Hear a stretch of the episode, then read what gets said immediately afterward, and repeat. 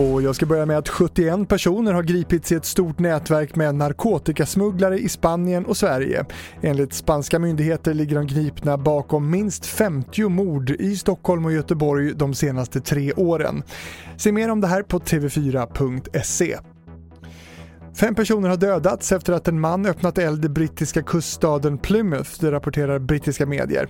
Även den misstänkte gärningsmannen har dött av skottskador. Flera personer vårdas fortfarande för skador som de har fått i samband med den här skjutningen och polisen är förtegen men utreder inte händelsen som terror. Och till sist i USA, där Britney Spears pappa Jamie Spears avsäger sig rollen som dotterns förmyndare.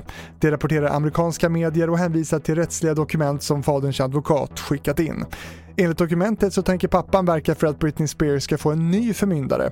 Popartisten omyndigförklarades 2008 efter att ha kämpat med psykisk ohälsa och har kämpat för att bli fri från faderns förmyndarskap i flera år. Det här var TV4 Nyheterna. Jag heter Fredrik Rahlstrand.